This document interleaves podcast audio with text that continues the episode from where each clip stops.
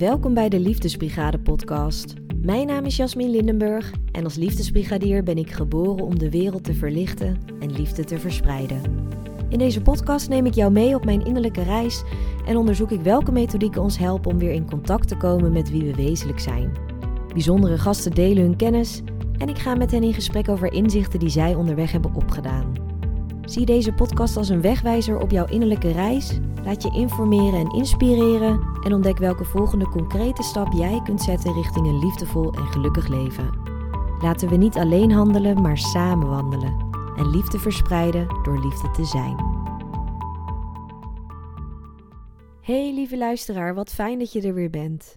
Als je al eerder naar deze podcast hebt geluisterd, dan is de nieuwe intro van de net je vast wel opgevallen. Ik zelf ben er echt heel erg blij mee. En waar ik ook super blij mee ben, is dat de geluidskwaliteit eindelijk helder is. De afgelopen opnames konden soms een beetje hol of schel klinken, alsof we in een badkamer zaten, wat absoluut niet zo was. En ik kwam er niet achter hoe ik dat kon aanpassen in mijn instellingen. De perfectionist in mij vond dat a relaxed en ik heb toen ook even overwogen om de afleveringen niet te plaatsen. Maar ik vond het uiteindelijk toch belangrijker om de boodschap van mijn gasten wel de wereld in te slingeren. En ik geloofde dat ik er vanzelf wel zou achterkomen hoe ik die instelling kon aanpassen. Voor mij is dit ook een reisje op zich. En ontwikkel ik mezelf in het podcasten met elke aflevering, elke keer dat ik het doe. En inderdaad, afgelopen week ben ik er ineens achter gekomen hoe ik die instellingen kon aanpassen. Dus dat betekent dat de aflevering van vandaag en de volgende aflevering nog zijn te beluisteren met het wat hollere geluid. En dat vanaf 2021 de afleveringen zullen klinken met het heldere geluid. Nou, laat de geluidskwaliteit in ieder geval niet afdoen aan de boodschap, want ik heb weer een inspirerend gesprek voor je vandaag. De liefdesbrigadier van vandaag is Eveline Wensel. Zij was 12 jaar werkzaam binnen een grote corporate organisatie en besloot toen om als ZZP'er aan de slag te gaan in een compleet ander werkveld. Inmiddels werkt ze als holistisch therapeut, reiki-trainer en docent holistische therapie en zit ze volledig op haar plek. Hoe zij deze carrière switch heeft gemaakt, vertelt Evelien in deze aflevering. En ook praten we onder andere over reiki, de bescherming en belemmering van het ego, intuïtie en een eerste stap richting het herstellen van de vreugde in jezelf. Geniet van dit gesprek en dan kom ik daarna weer bij je terug.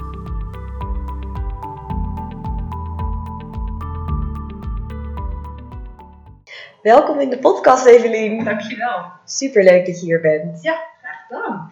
Voor degenen die jou nog niet kennen, zou jij jezelf willen voorstellen? Jazeker. Um, mijn naam is Eveline Wensel. Ik ben 40 jaar. Ik woon in Den Haag, ben getrouwd en heb twee prachtige dochters van 8 en 5 jaar oud. Um, ik werk als holistisch therapeut en als trainer-docent bij zomeropleidingen. Dat doe ik met heel veel plezier. En um, ik hoop daarbij ook uh, mensen terug te brengen in hun essentie, wie ze in werkelijkheid zijn en uh, begeleid ze tijdens een hele mooie reis. En dat vind ik heel erg mooi, zowel uh, in werk, op werkgebied als privé. Dus dat is een beetje een notendipje wie ik ben. Hmm. Je vertelt gelijk allemaal dingen waar ik op in kan haken. Ja? Ja. Kom maar op. nou, laten we uh, beginnen bij, um, ja, gewoon bij het begin. Heb je dit pad altijd bewandeld? Nee, zeker niet. Ik ben uh, opgegroeid in Afrika, de eerste zes jaar van mijn leven. Daarna ben ik weer teruggekomen in Nederland. Um, gewoon een hele fijne, warme, liefdevolle jeugd gehad. Um, waarin ik alle mogelijkheden kreeg om mezelf ook te ontplooien, studiekeuzes te maken. die heb ik ook gemaakt, verschillende. En uiteindelijk uh, ben ik afgestudeerd in Facility Management op de Haagse Hogeschool. Vandaar ook uh, gebleven in, uh, in Den Haag. Mijn huidige man ontmoet. En wij zijn samen gaan reizen in Australië voor een half jaar. Wat natuurlijk een hele mooie basis was voor onze relatie. Vanuit daar um, ben ik aan de slag gegaan. Toen we terugkwamen als account specialist, zeg maar intercedent bij Randstad. En dat deed ik altijd met heel veel plezier. En daar heb ik nog vrij lang gewerkt, vanaf 2006 tot 2018 denk ik. Ja. En um, met veel plezier, altijd heel erg dienstverlenend van aard geweest. Um, heel nuchter van aard ook, maar ik merkte altijd wel in mijn leven dat ik heel geïnteresseerd ben en was in het spirituele, uh, alternatieve geneeswijze. Er moet meer zijn tussen hemel en aarde. En ik geloof ook echt in de heilzame werking van de alternatieve geneeswijze. En um, merkte ook wel dat ik bepaalde dingen vaak aanvoelde. Vooral ook dat mensen vaak naar mij toe kwamen en heel gezellig hun verhaal kwamen vertellen. En uiteindelijk heel blij wegliepen. En dat ik dan uh, daar zat en dacht, ik ben helemaal leeggelopen. Wat is hier gebeurd? Um, en dat merkte ik eigenlijk nooit op het moment zelf. Pas s s'avonds of de volgende dag. En zo'n energielek heb ik eigenlijk heel vaak gehad. Ik was heel veel moe. Vooral uh, na mijn studententijd. En dat ik beginnend in het werkende leven zat. En op een gegeven moment dacht ik van ja, nou dat is het dan. En ik deed mijn werk met plezier. Ben uiteindelijk directiesecretaresse geworden bij Randstad. Super mooi bedrijf, uh, heel veel leuke mensen. Uh, werd zwanger van mijn eerste dochter, daarna zwanger van mijn tweede dochter. En mijn tweede dochter die uh, sliep heel slecht de eerste anderhalf jaar. Heel slecht. Zeg maar niet. En nou, daar knapten mensen eigenlijk helemaal niet van op. En dan ga je ook wel onderzoeken waar dit vandaan komt. zowel in de reguliere geneeswijze als in het alternatieve. Dus veel verschillende dingen geprobeerd. En uiteindelijk dacht ik van nou ja, ten einde raad, wat moet ik nou? En toen dacht ik, oh, volgens mij um, kan ik weer eens contact opnemen met een oude huisgenoot, vriendin van mij. Dat heb ik gedaan en dat was Marjolein. En uh, zij uh, bracht mij in aanraking met Reiki. En zij heeft Reiki gegeven op afstand op mijn dochter en dat ging opeens veel beter. Het slapen. En daarnaast kwam ik ook tot de conclusie, ja, ja, het lag eigenlijk natuurlijk niet bij de dochter, maar bij de moeder dat ze slecht sliep. Heel confronterend. Maar ja, zo is het wel. Uh, dus dat gaf mij ook wel het setje om met mezelf aan de slag te gaan. Ik ben gestart met een opleiding tot holistisch therapeut. Uh, Reiki heel veel daarnaast gaan oefenen. En uh, dat heeft mij doen inzien um, weer dichter bij mezelf te komen. Um, ook het nuchtere wel behouden, maar ook het spirituele pad gaan volgen. Waardoor ik uiteindelijk wel ervoor kan kiezen, beter heb kunnen, betere keuzes voor mezelf kunnen maken. Uit de red race te stappen en te kijken, goh, waar sta je nu? Het eh, heeft ervoor gezorgd dat ik mijn energie veel beter bij mezelf kan houden. Dus die energielekken heb ik helemaal niet meer. Staat veel steviger op de grond. En heeft uiteindelijk ook voor eh, het resultaat gehad dat ik als trainer ben begonnen voor de opleiding tot holistisch therapeut. Uh, waardoor ik um, dit fijne gevoel dat ik daaraan over heb gehouden aan deze opleiding. En wat ik vele dingen die ik daar geleerd heb ook weer kan doorgeven aan andere mensen. Uh, en daarnaast ook in praktijk dit ook kan voort dus dat is wel heel erg fijn. Dus uh, ik ben op meerdere momenten in mijn leven in aanraking gekomen met spiritualiteit. Um, maar altijd wel nuchter genoeg geweest. Ach, dat is voor een ander en ik buiten het altijd weg. Maar nu uh, volledig uh, dit pad gekozen. En dat vind ik heel erg fijn. Ja, mooi. En ook ja. mooi wat je zegt, dat je dus ook nu anderen daarbij kan helpen. Ja. Want wij kennen elkaar natuurlijk van de Rijke cursus die ik toen bij jou heb gevolgd. Ja. En ik zelf merk in mijn eigen proces dat rijken me echt heel veel brengt. Heel veel innerlijke rust. En dat het me helpt om bepaalde blokkades, er überhaupt er bewust van te worden. En om ze ook ja, te doorvoelen en los te laten te doorbreken. Ja. En nu zijn er vast luisteraars die denken, ja Reiki, ik heb daar wel eens van gehoord, maar ik weet eigenlijk niet precies wat het nou is. Wat is Reiki? Nou, mooie vraag inderdaad. Um, ik moet eerlijk zeggen, als ik het op mezelf betrek, de vraag Reiki, dacht ik altijd, nou, dat is 15 jaar geleden, Reiki, nou, ik kan er helemaal niks mee. Het klinkt zo uh, um, beetje, beetje zweverig, terwijl ik dat woord liever niet gebruik. Maar um, het tegendeel is eigenlijk waar. Hè? Is het uh, universele energie. Het is uh, Japans en is ontstaan eind 1800. En waar Reiki voor staat is eigenlijk Rij staat voor universeel en Ki staat voor levensenergie. En samen maakt dat universele levensenergie. En wat je eigenlijk doet bij Reiki is het doorgeven van deze energie. En je tapt als het ware de energie vanuit het universum of het heelal. Of geef het beestje een naam wat bij jou passend is. En dat laat je via je kruin, je hoofd, je schouders, je armen, uh, uiteindelijk je handen weer verlaten. En zo geef je de Reiki door. En dat heeft een hele helende werking. Het, stimuleert onder andere het zelfhelende vermogen. Maar het is iets wat iedereen in zich heeft. Hè? Het is een geboorterecht. Um, denk maar aan als je, als je valt en je valt op je knie. Het eerste wat je doet is ook je hand op je knie leggen. En bij je hoofd hetzelfde. Alleen wij in de westerse maatschappij zijn eigenlijk vergeten wat voor gaven we eigenlijk allemaal in ons hebben. En um, het, het, het, volgen van een rijke cursus zorgt er eigenlijk weer voor dat je bewust wordt van, gemaakt van de gaven die je hebt en de talenten die je hebt om jezelf weer te mogen helen, zonder dat dat jouw energie kost. Want dat is wel heel belangrijk om te realiseren dat bij Reiki geef je energie door. Het is niet iets wat je uh, van jezelf aftapt. Daar zijn mensen altijd bang voor. Ja, maar ja, dan ben ik helemaal moe wat ik rijkje heb gegeven. Nee, je faciliteert alleen. Je tapt het af vanuit het universum en je laat het je lichaam doorstromen. En uiteindelijk uh, verlaat het via je handen weer je lichaam. Dus je geeft alleen maar door en het kost je geen energie. Sterker nog, uh, de mensen die rijken geven, de behandelaars, die voelen zich vaak na afloop ook alleen maar veel beter en mooier. Uh, en zijn ook dankbaar dat ze mogen helpen een ander te helen. En welke verandering merkte jij in je leven toen Reiki in jouw leven kwam? Um, nou, dat heeft eerlijk gezegd wel eventjes geduurd. Maar uh, ik geef nu mezelf gewoon, denk ik, vijf, zes jaar uh, reiki. En ik merk nu dat het gewoon verweven is in mijn leven. Uh, het volledig een, een, tweede natuur is. Dus ik denk er eigenlijk niet bij na. ik word heel vaak s'nachts wakker in een bepaalde positie. En dan liggen mijn handen opeens op mijn buik en op mijn, op mijn borst. En dan denk ik, oh ja, nou, dan zit ik dus zelfs, zelfs in mijn slaap doe ik het. En dat is niet omdat ik er constant mee bezig ben, maar blijkbaar heeft mijn lichaam dat nodig. En dat is een houding die voor mij heel prettig aanvoelt. Um, het maakt me rustig, het maakt me veel stabieler. Op het moment dat ik uh, um, ook in de red race van de dag wel eens beland, want dat overkomt natuurlijk iedereen. Uh, dan denk ik, oh ja, even een stapje terugnemen en even bedenken, wat, wat doet er nou echt toe? Waar sta ik nu? Even uit het hoofd en weer goed geronden. Daar zorgt Rijkje bij mij uh, echt wel voor. En daarnaast vind ik het mooi dat ik een ander daarmee kan helpen. En dat vind ik eigenlijk, ja, grappig genoeg nog wel het mooiste wat ik ermee kan bereiken. Is dat ik zie dat andere mensen ervan opknappen. En of dat nou mijn partner, mijn, uh, mijn kinderen zijn, een familielid of um, iemand van het schoolplein. Dat, uh, dat maakt eigenlijk helemaal niet uit. Nee, dus er staan veel mensen in de omgeving ook voor open. Absoluut, ja. En dat uh, vond ik in het begin wel heel spannend. In het begin dat ik ook hiermee bezig was, en ik vertelde dat, uh, nou, ik werkte bij een hele corporate organisatie, een supermooie organisatie waar niet iedereen hiervoor open staat. Heel veel mensen, grappig genoeg ook wel, als je er durft open voor te staan. In het begin was ik ook van, nou, ik ga het niet aan iedereen vertellen. Uh, maar na een tijdje, loop van tijd geloofde ik hier ook zo in. Dat ik dacht, ja, maar ik verloog mezelf ook. Als ik ga doen of een beetje mee ga zitten lachen. Oh, rijkie, vlijkie. Oeh, daar heb je, oeh. Nou ja, weet je, daar, daar verlogen je jezelf ook volledig mee. Dus daar ben ik ook volledig mee gestopt. En gedacht, nee, hier sta ik voor. En uh, dat deel ik. En het grappige is dat ook in heel veel corporate organisaties iedereen hier heel erg voor open staat en het super tof vond. Dus uh, ik heb uh, regelmatig met collega's een uh, klein vergaderboekje opgezocht om even snel rijkje te geven en de dag weer door te doen. Ja, ja wat bijzonder. Ja, ja, dat is heel ja. leuk. Ja. ja. Ook leuk voor de band met de collega's. Ja. Ja.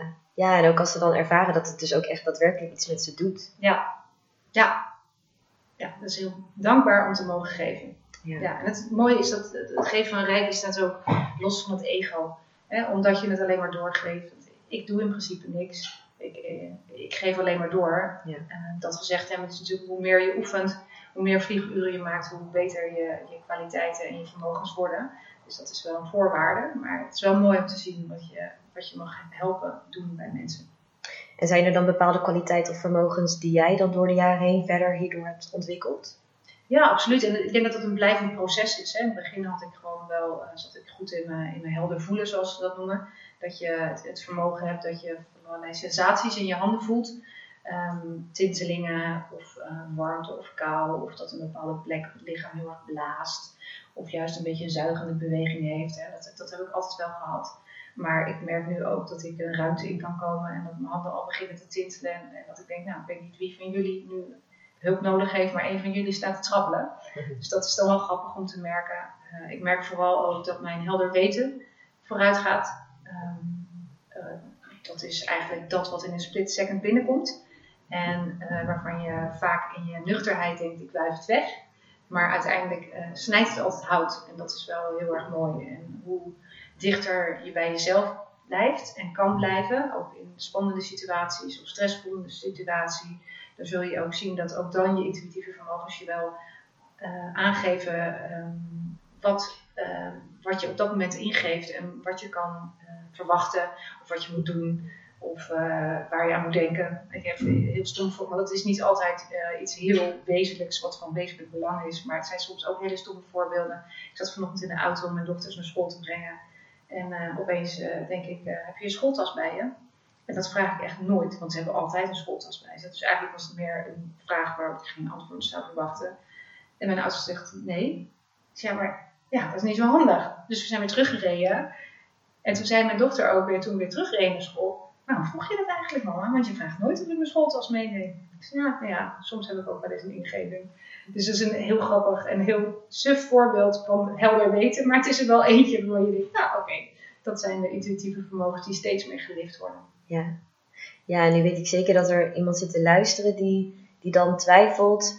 Is dan wat ik binnenkrijg, is dat dan echt mijn intuïtie? Of is dat gewoon maar een, een fantasiegedachte? Of is het misschien een angstgedachte? Hoe kan je nou weten wanneer iets ja, doorkomt via je intuïtie? Ja, mooie vraag. Uh, en dat is oefenen. Want ik weet zeker dat iedereen, ook de luisteraars nu, af en toe dit soort dingen binnenkrijgen. En ik denk dat het meest bekende voorbeeld wel is van dat je uh, denkt, goh, ik ga een vriendin weer eens bellen, die ik heel lang niet gesproken heb. En je loopt naar de telefoon en op het moment dat je je telefoon pakt, belt die vriendin jou op. Of iets in die geest. Um, dat zijn echt je helder weten momenten. En um, het ratio, je ego, die gaat er vaak meer aan herhalen. Dus daarom is het zo belangrijk om te realiseren dat wat in een split second binnenkomt, dat is jouw uh, helder weten. Op het moment dat je erover na gaat denken, hoe iets daar gekomen is, wat het kan betekenen, dat is allemaal je ego, je, je ratio die ermee aan de haal gaat. Dus um, het is het kunst om er, daarna te gaan luisteren en daar ook uiteindelijk mee te gaan naar handelen. Want als jij nu naar buiten loopt en je denkt aan een paraplu terwijl het buiten super mooi weer is, dan denk je, ja, dag, het regent echt niet. Ga je smiddags naar huis om vijf uur en dan regent het. Dan denk je, oh, wacht, daarom. het zijn allemaal signalen en dat gaat niet over één nacht ijs. Hè. Gaan maanden, jaren overheen. En hoe meer je oefent, hoe sneller je, hoe sneller je intuïtie uh, ontwikkelt. Uh, maar weet dat, ja, het, het, is, het is een fine line. En het is juist heel belangrijk dat je realiseert dat het ego vaak met onze gedachten aan de haal gaat. En je uh, eigenlijk al neersabelt voordat je er iets mee hebt kunnen doen. Ja. Ja, dus het is echt als een spier. Hoe vaker je traint, hoe, hoe makkelijker, hoe natuurlijker het ja, gaat. Absoluut. Ja. ja. Ja, en je had het net over het ego. Nu denk ik wel dat de meesten daar bekend mee zijn. Hoe, hoe ervaar jij het ego bij jezelf? Um, ja, hoe ervaar ik het ego bij mezelf? Nou, het is wel mooi om te realiseren überhaupt dat het ego bestaat. Um, en dat het een methode is van je, van je lichaam, van je, van je lijf, van je hele zijn, uh, dat ontwikkeld is uh, om jou te beschermen. Want dat is wat een ego doet. Hè? Op het moment dat jij uh, ergens pijn door hebt gehad, zorgt het ego dat dat niet nog een keer gaat gebeuren. Dus die beschermt jou als het ware. Stel je voor je bent gepest als je acht jaar bent. Um, dan zorgt het ego de volgende keer als je dat groepje uh, kinderen weer tegenkomt. Ga daar maar niet naartoe. Bemoei je er maar niet. Maak je er maar klein mee. Hè? Dat is wat het ego doet. En het ego is heel belangrijk. Want dat beschermt je en dat zorgt ervoor dat je veilig bent. Um, maar op latere leeftijd kan het er ook voor zorgen dat het belemmerende patronen voor je op kan uh, leveren. He, dat je inderdaad nog steeds je klein maakt naar aanleiding van een patroon die ooit ontwikkeld is. Als ik dat op mezelf betrek, denk ik altijd, ja, um, uh, ik, ik, ben altijd bang dat het niet goed genoeg was. Of uh, dat iemand het mij niet aardig vindt. En ja, ik, ik, leg de lat voor mezelf wel heel erg hoog. En ik vind ook dat ik dat moet doen. En uh, ik heb nooit gedacht dat ik perfectionistisch was. Maar ik kom er de laatste tijd achter dat ik dat toch wel op een bepaalde manier absoluut ben. En um, door met hiermee aan de slag te gaan en te realiseren, wat is het ego nou? En dat je ervoor kan kiezen om je ego ook te bedanken. En te denken, oké, bedankt, je hebt me beschermd een periode. Ik zet je nu naast me neer. Um, ik, ik kan het ook alleen. En je zegt geen ego gedag. Je, je hoeft hem niet uh, op de boot naar, uh, naar weet ik veel waar te zetten. Want de ego heb je nodig in je hele leven. Om je ook voor andere dingen nog steeds te beschermen. Maar het kan je ook wel um, belemmeren in je, in je leven. Dus dan is het heel belangrijk om te denken. Nou oké, ego, ik hoor wat je zegt. Maar ik denk dat het wel kan. Hè, toen jij mij belde om te zeggen. Joh Evelien, wil jij met mij een podcast maken? Dacht ik. Mijn eerste reactie. Ja, nou, ik heb toch helemaal niks te vertellen. Maar ik heb ook geleerd om te denken, nou, zo langzamerhand, misschien heb ik wel wat te vertellen. En dat is niet omdat ik denk van, goh, ik ben heel erg goed of ik uh, ben arrogant, helemaal niet. Maar het is wel een bepaalde uh, zelfvertrouwen wat ik heb gekregen in de laatste jaren. Dat ik denk, nee, nou, leuk dat je het vraagt. Ik doe heel graag met je mee. Ja, ja. super leerzaam en juist heel erg leuk. En dan zet ik echt dat ego opzij en dan denk ik, ja, nou, ik kan het wel. Ja. ja, dus eigenlijk de bewustwording van het stemmetje dat hij er is, maar dat dat dus niet is wie jij bent. Ja, En dat jij daar zelf dus je eigen keuzes ja, kunt maken. En dat Ja. het ego dus niet aan het roer staat, om het maar even zo dat te is zeggen. heel mooi gezegd. Exact. Ja. Je bent verantwoordelijk voor je eigen keuzes. Je kan kiezen of je naar links of naar rechts gaat. Uitzonderingen daar natuurlijk, ja. Ja. En wat was voor jou in jouw leven ehm, een grote afslag die jij hebt genomen? Ehm, ik denk toch echt wel een carrière switch. Ja, om eh, een, een hele veilige, vertrouwde, mooie haven eh, van de organisatie waar ik werkte, eh, daar weg te gaan. Het was eigenlijk een gouden kooi. Ik had het echt wel heel goed voor elkaar. Eh, en dan opeens de keuze te maken om als ZZP'er aan de slag te gaan in een tak van sport die eh, volledig anders is dan de, de zakelijke wereld waar ik vandaan kwam. Eh, maar ik kan zeggen dat het me geen windeieren heeft gelegd. En ik ben nog steeds heel erg blij na twee jaar dat ik die keuze wel gemaakt heb. Ja.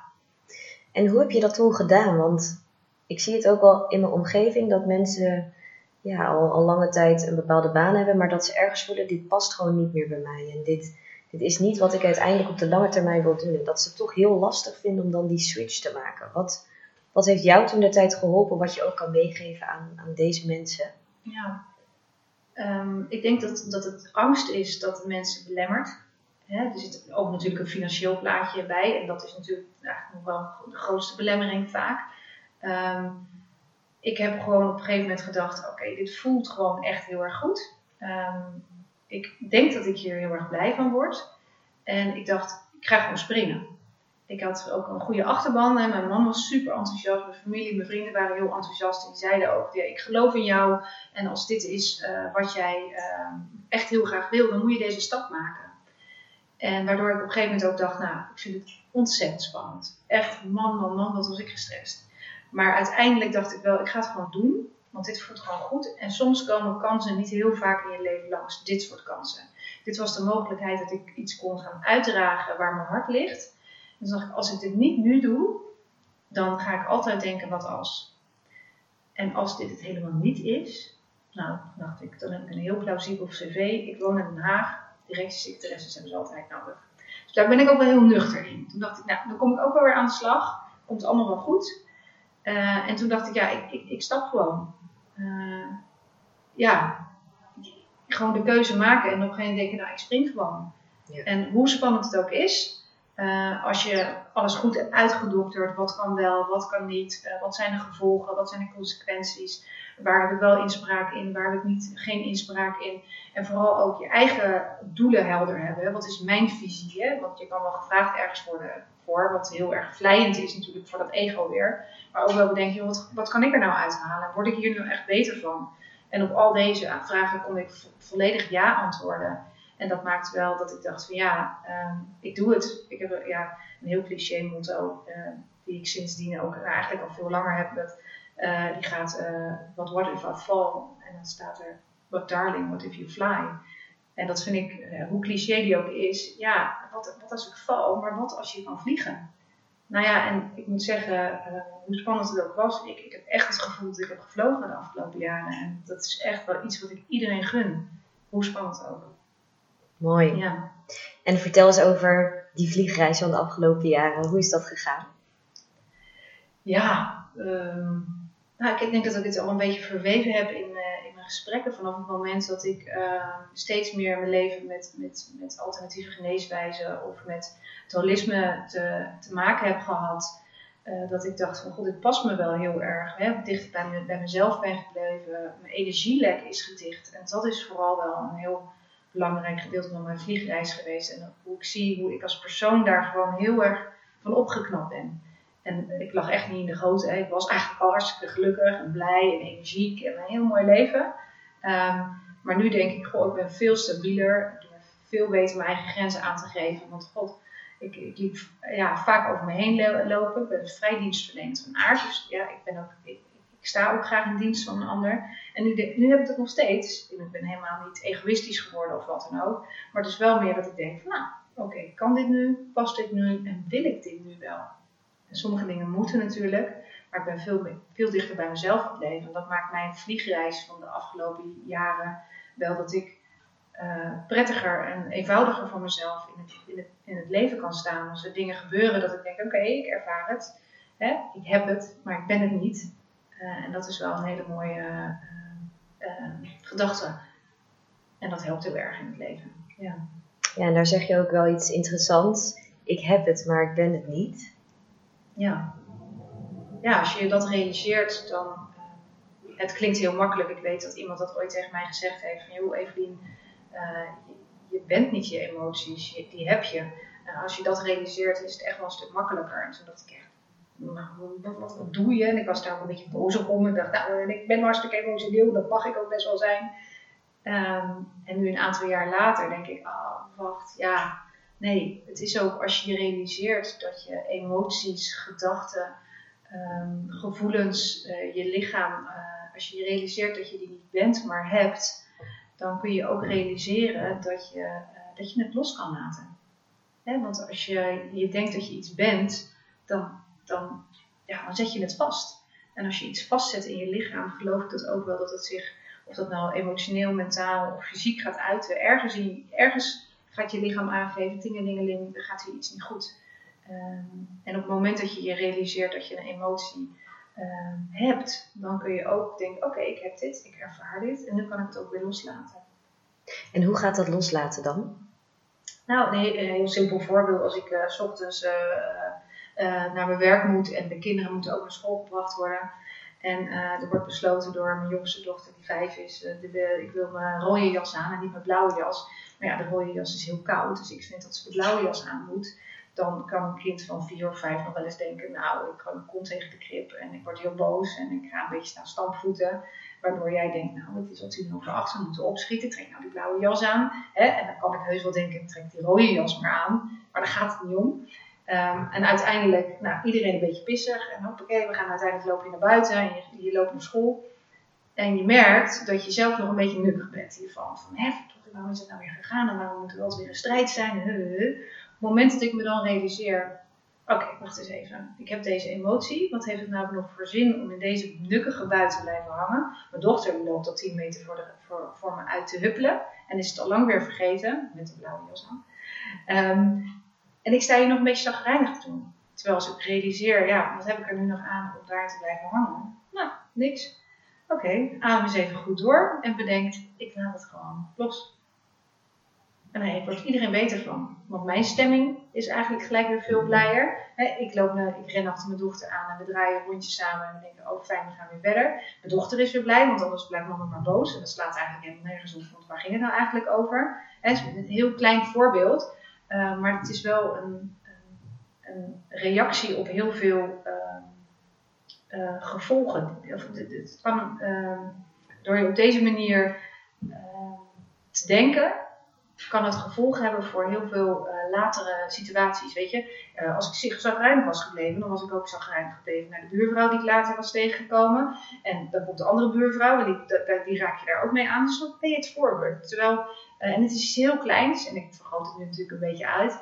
Maar op het moment dat jij je kan realiseren dat je die emotie kan loslaten, um, kun je ook weer dichter bij je zijn komen. En kost het je ook geen energie meer. Waardoor je uiteindelijk ook weer energieker ja, en dat heeft dan weer een positief effect op de mensen om je heen. Absoluut. En dat heeft natuurlijk weer ook een positief effect op jezelf. Ja, uiteraard. Ja, want alles is een wisselwerking van elkaar.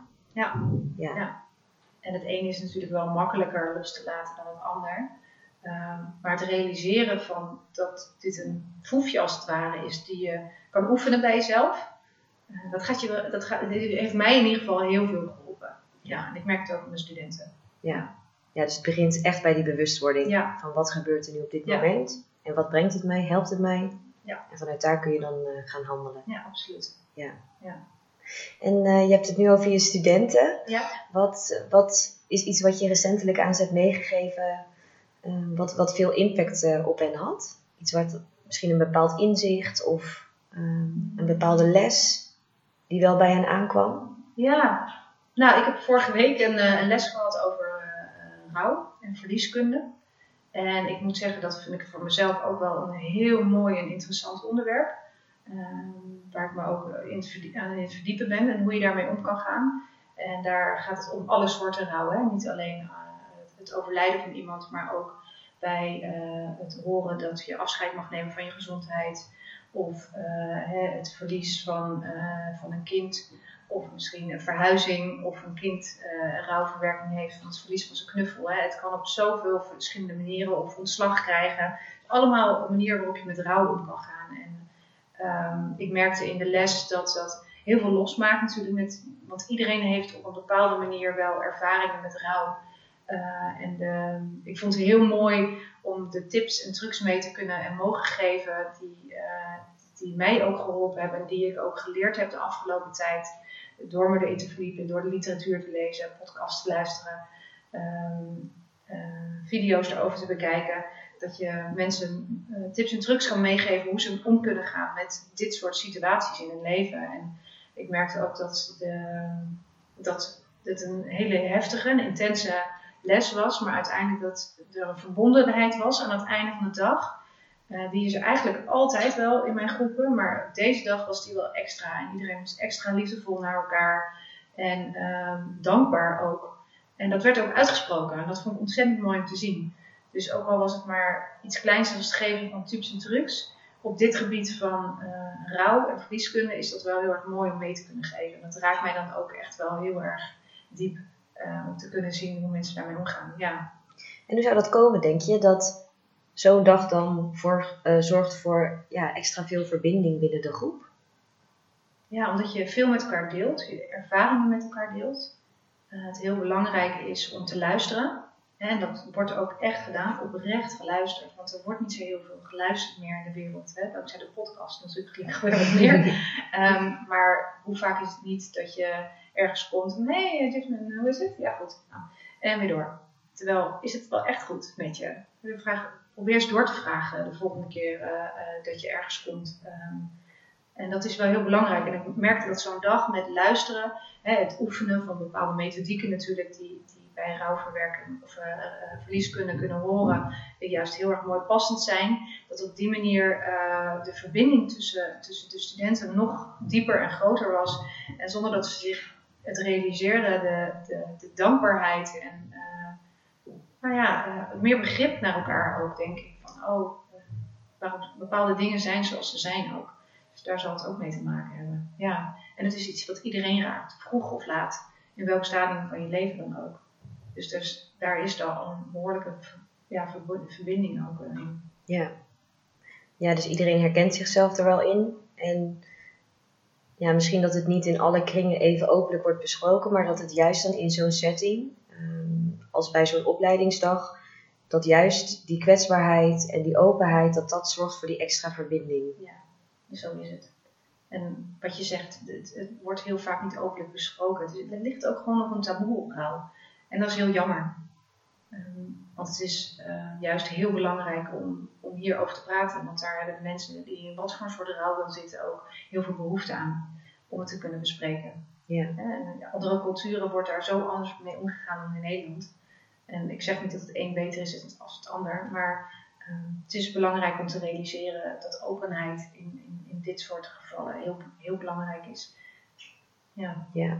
Ja, en dan niet alleen bij rouw, ik wil hem zelfs dan nog breder trekken, dat die openheid in uh, wat er in je omgaat, wat er bij je speelt, dat, ja. dat, dat, dat daar eigenlijk ook nog wel een soort van taboe op ligt. Dat merk ik ook wel gewoon in mijn omgeving. Uh, gelukkig heb ik me dan nu omringd met mensen die, met wie ik dat heel openlijk kan bespreken. Ja. Maar er lijkt toch nog een taboe te liggen op vertellen hoe het echt met je gaat. Ja.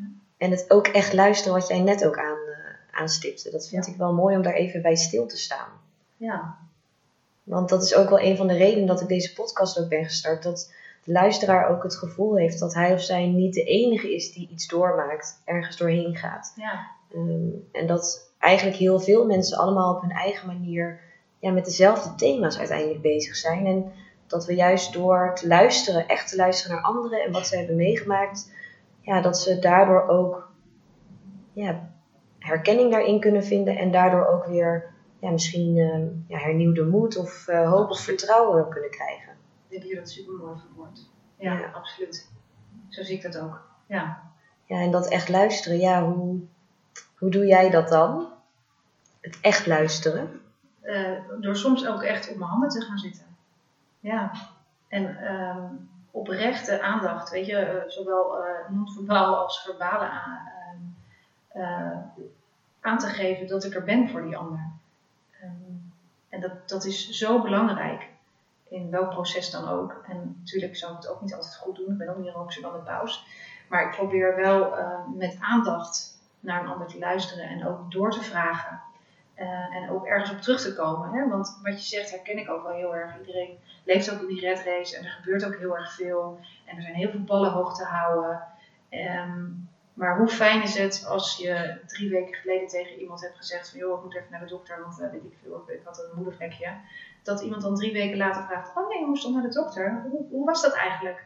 En het is misschien een heel klein voorbeeld, maar dat is een manier van aandacht oprecht um, die, die, die er zo weinig is. En op, ik probeer daar echt wel heel erg bewust mee bezig te zijn. Oprecht naar een ander te luisteren, oprecht voor een ander te zijn. Um, zodat je op die manier meerwaarde kan betekenen. En niet omdat ik denk dat ik. Uh, uh, ik, ik steek mijn hand ook wel eens in eigen boezem. Ik zal het echt niet altijd goed doen. Maar ik probeer wel daarin echt een meerwaarde voor vrienden, familie of wie dan ook te kunnen zijn. En dat vind ik heel belangrijk. Omdat ik, ik zou het soms ook wel eens fijn vinden, inderdaad, als mensen wel eens doorvragen. En dat hoeft ook niet altijd, want ik zit er niet altijd op te wachten. Maar ik merk inderdaad ook dat het soms wel eens heel oppervlakkig is. Ja. En dan is het leuk als mensen ook eens inderdaad doorvragen. Of ergens op terugkomen. Ja. Ja, want als ze er dan op terugkomen, dan voel je je ook echt gezien. Juist, dan denk ik ook, oh je hebt echt geluisterd. Ja. Ja. Ja, ja mooi. en um, ik zit nu even te denken, um, als je zo terugkijkt op je leven, um, wat is dan een, een bepaald advies dat je aan je jongeren zelf zou willen geven? Oh, zie, zie hoe mooi je bent. Ja, en niet in uiterlijke zin of zo hoor. Maar gewoon echt wat, er allemaal in de, in, in, in de mars zit van dat kleine meisje. Uh, ik had het toevallig vandaag in de les er ook over, met mijn studenten, over iemand was 30 geworden. En uh, dat iemand anders zei van, nou 30, ik zou wel 30 willen worden. Um, en toen zei ik, nou, ik, ik wil helemaal geen 30 worden. Ik ben, ik ben net 40. En ik moet me zeggen, ik voel me echt beter dan ooit. Ik, uh, ik kom in een levensfase waarin ik, nou, ik snap hoe de hazen lopen. Ik ben wat zelfverzekerder. Ik weet waar ik voor sta. Ik weet wie ik ben. Um, ik durf mezelf recht in de spiegel aan te kijken. En gewoon eens even te lachen naar mezelf. En um, dat voelt zo goed.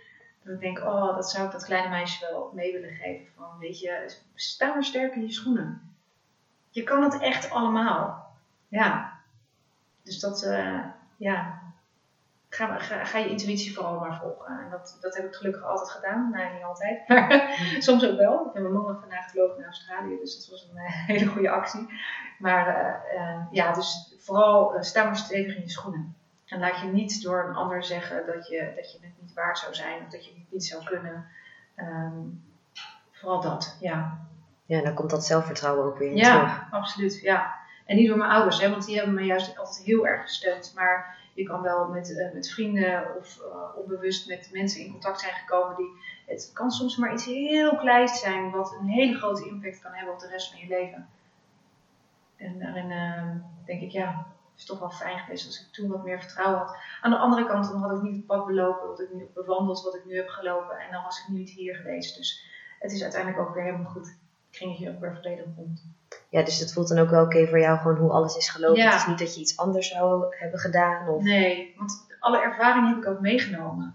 En soms denk je, had ik het nou anders moeten doen? ik, ja, misschien wel. Maar dat heeft me uiteindelijk wel gemaakt wie ik ben. Het heeft me wel de expertise gekregen dat ik bepaalde kennis heb. Hè? En is dat, of dat nou is qua studie, qua leren, qua literatuur wat ik heb meegenomen, of uh, het werken in een hele zakelijke omgeving, uh, op directieniveau, of mijn werk nu en mijn praktijk nu, dat, dat maakt eigenlijk helemaal niet uit. Het is juist al die combinaties samen dat maakt dat ik nu ben wie ik ben. En de puzzel dan ook compleet is. Of nog steeds meer compleet zal worden, want ik ben er natuurlijk ook nog niet. Ja. Ik blijf het ook alleen maar leren. Wat zijn nog dingen die je zou willen leren? Wel heel veel. Ja. um, ja, wat zou ik nog willen leren? Ja, ik, ik, er zijn zoveel mooie onderwerpen waar ik me nog echt uh, veel meer wil in verdiepen. ik zou me graag willen verdiepen in het systemisch werken, wat ik heel erg mooi vind. De rouwverwerking, waar, of uh, net ik het weer, het is geen rouwverwerking, het is verdriet, verlieskunde en verdriet. Ehm, het, ehm, eh, daar wil ik me echt nog wel wat meer in gaan verdiepen, want ik merk dat ik, ehm, dat ik dat heel mooi vind om mee te werken. En dat had ik twee jaar geleden echt nooit bedacht dat dat zo zou zijn. Uh, maar soms moet je ook groeien als persoon om uh, de mooie kanten van een verdrietig iets te zien. En het lijkt me heel mooi om daar mensen in te kunnen begeleiden, maar het lijkt me ook waanzinnig om vanuit mijn eigen praktijk workshops, trainingen te gaan geven met uh, heel veel passie en enthousiasme. Want dat is wat ik terugkrijg, vooral van, vanuit mijn praktijk, maar vanuit mijn studenten ook, dat ik iedereen weet te enthousiasmeren en op een hele mooie, nuchtere manier mensen mee kan nemen in, in, de, in de wereld van holisme onder andere. Dus uh, dat zou ik heel graag verder willen uitbreiden en kijken wat daar voor onderzoeken, wat voor onderzoek daar nog voor nodig is en wat erin kan. En, maar dat laat ik ook allemaal gebeuren. Ik ga niet een stip nu aan de horizon zetten van nou december 2022 moet dat en dat en dat gedaan zijn. Nee, ik ben nu op een heel goed en fijn plek in mijn leven. En vanuit daaruit, vanuit die flow wil ik het ook volledig laten lopen. Ja. En dan heb je er ook vertrouwen in dat het dus wel zo zal lopen zoals het hoort te lopen. Absoluut. Ja, absoluut. En heb je dat ook altijd gehad, dat vertrouwen? Nee, want het was het stukje ego dat zei, nou kan je dat wel, moet je dat nou wel doen en is dat nou wel verstandig en uh, ja, kan dat financieel wel en ja, ja, absoluut. Ja. Maar daar geloof ik nu gewoon heilig in dat het allemaal wel kan. Maar het is ook mijn, mijn mindset die daar een hele grote rol in, heeft. Hè. Alles wat je aandacht geeft wordt groter. Dus als ik bijvoorbeeld aan ga denken, het gaat niet lukken en ik moet, moet, moet, moet, gaat het ook niet worden. En als ik het alle ruimte geef en dan 100% in geloof dat het wel gaat lukken, dan geloof ik ook dat het lukt. Ja. Ja. ja, mooi dat je die ook noemt. Ja. Alles wat je aandacht geeft groeit. Ja. Ja. ja, dat vergeten we soms wel eens. Ja, Als we zo bezig zijn met de dag en alle drukte, absoluut. om dan te bedenken, oh ja, waar ben ik nu, eh, ja, Ja, waar geef ik nu water aan, zeg maar. Nou, mooi gezegd, absoluut. Als jij thuis komt en het is eh, een drukke dag geweest en je zit op de bank en je denkt alleen maar druk, druk, druk, druk, druk, druk, druk, druk, druk. Dan heb je het ook druk, terwijl je dat moment ook voor jezelf kan pakken, ook al is het maar 10 minuten. En denken, oké, het is een drukke dag geweest. Ik laat het even van me afglijden, ik voel mijn voeten weer even op de grond staan. En ik ga gewoon even lekker een boek pakken en ik ga eh, de Zeven Zussen lezen. Of eh, weet ik wat voor boek je gaat lezen. Of je gaat een mooi literatuurboek lezen. Het maakt allemaal niet uit. Het gaat erom dat je even dat momentje pakt in plaats van dat je blijft hangen in dat wat je op dat moment aandacht geeft. Ja. Ja. ja, en dat kan dus zoiets simpels zijn als een boek. En wat zijn andere manieren voor jou om even echt een moment voor jezelf te nemen aan het einde van de dag? Eh, ik vind het heel fijn om een stuk te gaan lopen. Hè, dat zorgt ook weer dat je even je hoofd eh, leegmaakt, hè, je- haren in de wind. Eh, dat je even lekker goed grondt ook. Hè. Ik ga zelf graag ook in bad.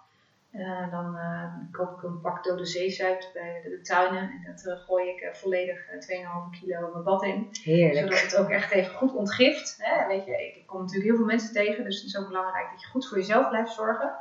Ehm, dan, dus lekker in bad. Ik hou heel erg van lezen, maar ik vind het ook heel fijn om gewoon een eh, spelletje, die ben ik te spelen met, mijn- met mijn dochters. Of ehm, eh, dan stel ik ook wel eens voor, nou, mama, niet zozeer een een spelletje, maar zullen we lekker een kleurplaat gaan maken? En dan vind ik het heerlijk om gewoon een kwartier lang een, een, een, eenhoorn kleurplaat in te kleuren, omdat ik dan gewoon helemaal niet hoef na te denken. Maar dat zijn wel eigenlijk hele simpele oplaadmomentjes. Ja, Ja, misschien omdat ze zo simpel zijn, juist zo Ja. waardevol. absoluut. Het hoeft dus niet heel groot te zijn. Nee. En daarnaast vind ik het ook heerlijk om met vrienden uitgebreid te borrelen, te eten en te koken. Want daar hou ik heel erg van. Dus dat zijn ook echt wel mijn oplaadmomenten om dat, eh, om dat te doen. Ja. Ja, mooi. Ja. En ehm, voordat ik eh, richting de afronding van het gesprek ga, is er nog iets waar je het graag over wil hebben, waar we het, ja, waar we het nog niet over hebben gehad? Nou, ik denk niet eens zo per se. Ik eh, hoop gewoon mee te kunnen geven. En vooral niet als tip, maar vooral als gunning naar iedereen. Om ehm, eens te kijken af en toe ehm, hoe het met jou gaat. Hè, ga zitten en voel eens even hoe je, hoe je lijf in elkaar steekt. Waar voel je een pijntje? Neem die, neem, neem die paar minuten voor jezelf eens eventjes van, joh, waar sta ik nu eigenlijk in mijn leven? Dat je eigenlijk even kijkt naar je eigen bewustwording en je eigen ik. eh, zonder dat, ehm, heel spiritueel te maken, maar gewoon, joh, waar sta je nu? Wat voor kruispunt op je leven sta je nu? En waar, waar loop ik eigenlijk nog steeds tegenaan? Hè? Misschien zijn er wel bepaalde patronen die, die iedere keer weer terugkomen, of een schuldgevoel, of een onzekerheid, waarvan je denkt, hé, dat heb ik eigenlijk altijd. En ga eens onderzoeken waar dat vandaan komt, zodat je ehm, met jezelf aan de slag gaat. Hè? En als je dat nog ingewikkeld vindt, ga dan uh, gewoon eens af en toe de tijd nemen om uh, de rust in jezelf op te zoeken. Waar we het net over hadden, die vijf minuutjes of die tien minuutjes die je op de bank hebt, uh, dan ook niet te gaan denken, oh drukken, dan kan ik maar even beter dit, dit en dit nog gaan doen. Nee, blijf gewoon even zitten en bedenk even, oké, heel veel bewuste tijd voor jezelf te nemen. Hè, um, even goed met je voeten op de grond te gaan staan, zodat je lekker in contact blijft met die aarding. En um, goed het contact blijft zoeken met jezelf. Hè, um, wat, waar sta jij nu? En, maar ook, wat wil je? Sta je eigenlijk nog wel op het punt waarvan jij misschien 10, 20 jaar of 30 jaar geleden dacht: hey, hier, hier wilde ik ook heel erg graag naartoe. Of nee, hier wilde ik helemaal niet naartoe, maar het is heel fijn, hè? want dat kan natuurlijk ook. Maar realiseer je gewoon eens eventjes waar je nu staat in je leven. En is dat waar je ook wil zijn? En dat moment van bewustwording, stilstaan en kijken naar jezelf, wat, wat levert dat je op? Hm, goeie vraag. Ja, um, ik hoop dat uh, dat een, een, eerste startpunt is om dit vaker te gaan doen. En eens te kijken hoe je um, de vreugde in jezelf weer volledig kan herstellen als je die mist. Uh, als je die niet mist, uh, ga vooral door in je red race. Dat mag natuurlijk ook, hè? daar heb ik geen oordeel over, dat is niet aan mij. Maar um, ik merk heel veel mensen om me heen um, die, die, die al die ballen hoog houden. Hè? Veel, veel mensen die eigenlijk tegen een burn-out aanzitten, overwerkt, overprikkeld, overal de beste in moeten zijn, hè? de beste. Beste uh, beste kleding aan moeten hebben, het leukste huis moeten hebben, het groenste gras moeten hebben. Er moet zoveel. Um, maar moet dat ook allemaal echt? En wat maakt jou nou gelukkig? En zoek die vreugde weer in jezelf. En ga eens kijken of je dat vuurtje in jezelf weer kan aanwakkeren. Want jouw vuurtje brandt altijd. Maar door heel veel dingen, de dagelijkse dingen, um, is dat vuurtje misschien een beetje gaan smeulen. Maar wat laat jouw vuurtje nou weer aanwakkeren? En dat denk ik is heel belangrijk. En het heeft voor mij zoveel betekend om dat vuurtje in mij weer vooral te laten aanwakkeren. En het mooie is dat, dat doordat ik dat vuurtje in mezelf weer ben gaan aanwakkeren, en dat nu gewoon een mooi groot vuur is, dat ik ook de vuurtjes bij andere mensen weer mag gaan uh, aanwakkeren. En daar ben ik super dankbaar voor, om dat te mogen faciliteren. Ja, mooi verwoord. Ja. Ja, dat is gelijk een mooi bruggetje naar de volgende vraag. Want hoe kunnen de luisteraars met jou in contact komen? Ja, um, daar heb ik eigenlijk nog niet zo over nagedacht. Uh, mensen mogen mij een mailtje sturen. Dat uh, sta ik altijd voor open natuurlijk. Als je vragen hebt of als je uh, ergens tegenaan loopt en dat je denkt van oh, ik zou hier wel meer over willen weten. Dat kan natuurlijk altijd. Daar sta ik zeker voor open. Ja. Ja, ik zal je mailadres dan wel zetten in de show notes. Ja, je kunt ze daar even opzoeken. Ja, uiteraard. Ja. Leuk. Ja. En dan mijn laatste vraag voor jou. Wat betekent zelfliefde voor jou? goed voor jezelf zorgen. Af en toe dus dat momentje voor jezelf nemen. Die rust nemen. En de drukte van alle dag. Um, en jezelf ook dingen gunnen. En je daar niet schuldig over hoeven voelen. Soms is het goed om even de rust in jezelf te pakken. En even de tijd voor jezelf te nemen. En die mag je ook gewoon pakken. Hoe moeilijk dat ook is. Ik vond het zelf ook altijd heel erg lastig. Maar ik begin dat steeds meer te doen. En dat... Uh, dat, dat, dat werkt voor mij echt heel erg fijn. Waardoor ik ook echt mezelf uh, leuker en liever ben gaan vinden. En mezelf dus ook weer met veel meer uh, respect en aandacht behandel. Ja. Mooi. Ja. Dankjewel Evelien voor dit gesprek. Dankjewel, is fijn dat je me wilde. Ja, ik vond het heel leuk. Ik ook.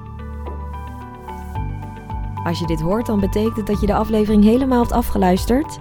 Dank je wel daarvoor. Ik ben benieuwd welk nieuw inzicht jij hebt opgedaan en welke eerste stap jij kunt zetten om dit inzicht te integreren in jouw leven. Mocht je hier even met iemand over willen sparren, dan kun je me een persoonlijk berichtje sturen op Instagram de Liefdesbrigade. En vond je deze aflevering leuk?